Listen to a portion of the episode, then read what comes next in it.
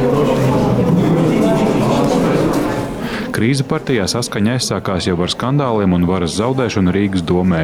Saimnes vēlēšanu gadā saskaņas reitings turpināja krist, ko partijas vadība skaidro ar nekavējošo nostāju Krieviju pēc iebrukuma Ukrainā nosaukt par agresoru, kā arī atbalstīto lēmumu par Latvijas pareizticīgo baznīcas patstāvīgumu no Maskavas patriarchāta. Šos vēstījumus daļa krievolodīgo vēlētāju nesaprata. Vienlaikus arī kavējusies reakcija par viedokļu dažādību partijā, secina partijas līderi Jānis Urbanovičs un Nils Ušakovs. Es zinu, ka kļūdām ir vārds un uzvārds. Veiksmēm nē, bet neveiksmēm vienmēr. Es esmu jūsu neveiksme. Nemeklējiet citu. Es vēlētos atvainoties mūsu vēlētājiem, mūsu atbalstītājiem par to, ka mēs esam zaudējuši šajās vēlēšanās. Par to, ka mēs esam zaudējuši formu, mēs neesam bijuši uzdevuma augstumos. Uzstājoties gan latviešu, gan krievu valodā, vairums runātāju saskaņas kongresā debatēs uzsvēra, ka šāda pozīcija par notikumiem Ukrainā ir bijusi pareiza. Savukārt par Ukrainas ciešanām sekojošām norisēm Latvijā atšķirīgās domās bijuši saskaņieši Latgalē.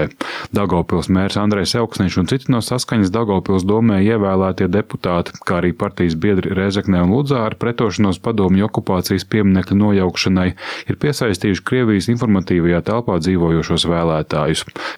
Daugavpilieši no saskaņas izstājās un Elksniņš jau apsverot savas partijas veidošanu.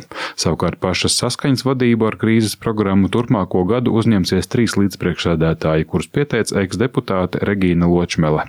Saskaņa ir atradusi saskaņu.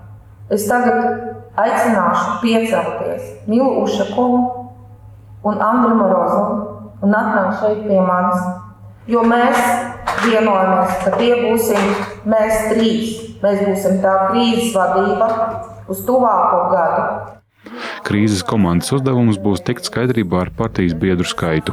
Savukārt par sabiedrībai aktuālām tēmām, piemēram, augstajiem komunālajiem maksājumiem, Ločmela sola rīkot regulārus mītiņus. Tas, ka mēs neesam vairs parlamentārais opozīcijas spēks, nenozīmē, ka mēs neesam opozīcijas spēks politiskajā spektrā. Pie kā ļoti pieredzējuši un ar resursiem, varbūt jau pavasarī jūs redzēsiet saskaņu jaunajā izpausmē. Bet tas būtu kas interneta platforma vai demonstrācijas uz ielas? Es teikšu tā, es uzskatu, ka Latvija līdzināsies Eiropas valstīm, ja tiešām ik nedēļu mums būs redzami mītiņi, piketi, kaut kas, kas liecina par to, ka sabiedriskajam viedoklim ir nepārprotama nostāja konkrētajā jautājumā.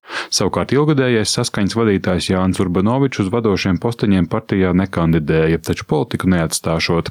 Savā uzrunā viņš novēlēja, kā saskaņai veiksmīgāk palīdzēt saviem krievulodīgajiem partijas biedriem. Vairāk cieņas latvietībai, vairāk cieņas Latvijai, un nav cita ātrāka soda, kā runāt bieži ar latviešiem atrast un demonstrēt šo cieņu. Jūs redzēsiet, kā dzīve mainīsies, kā pašiem paliks labāk.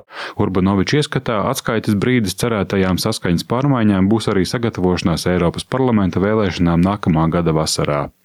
Jānis Kincis, Latvijas radio.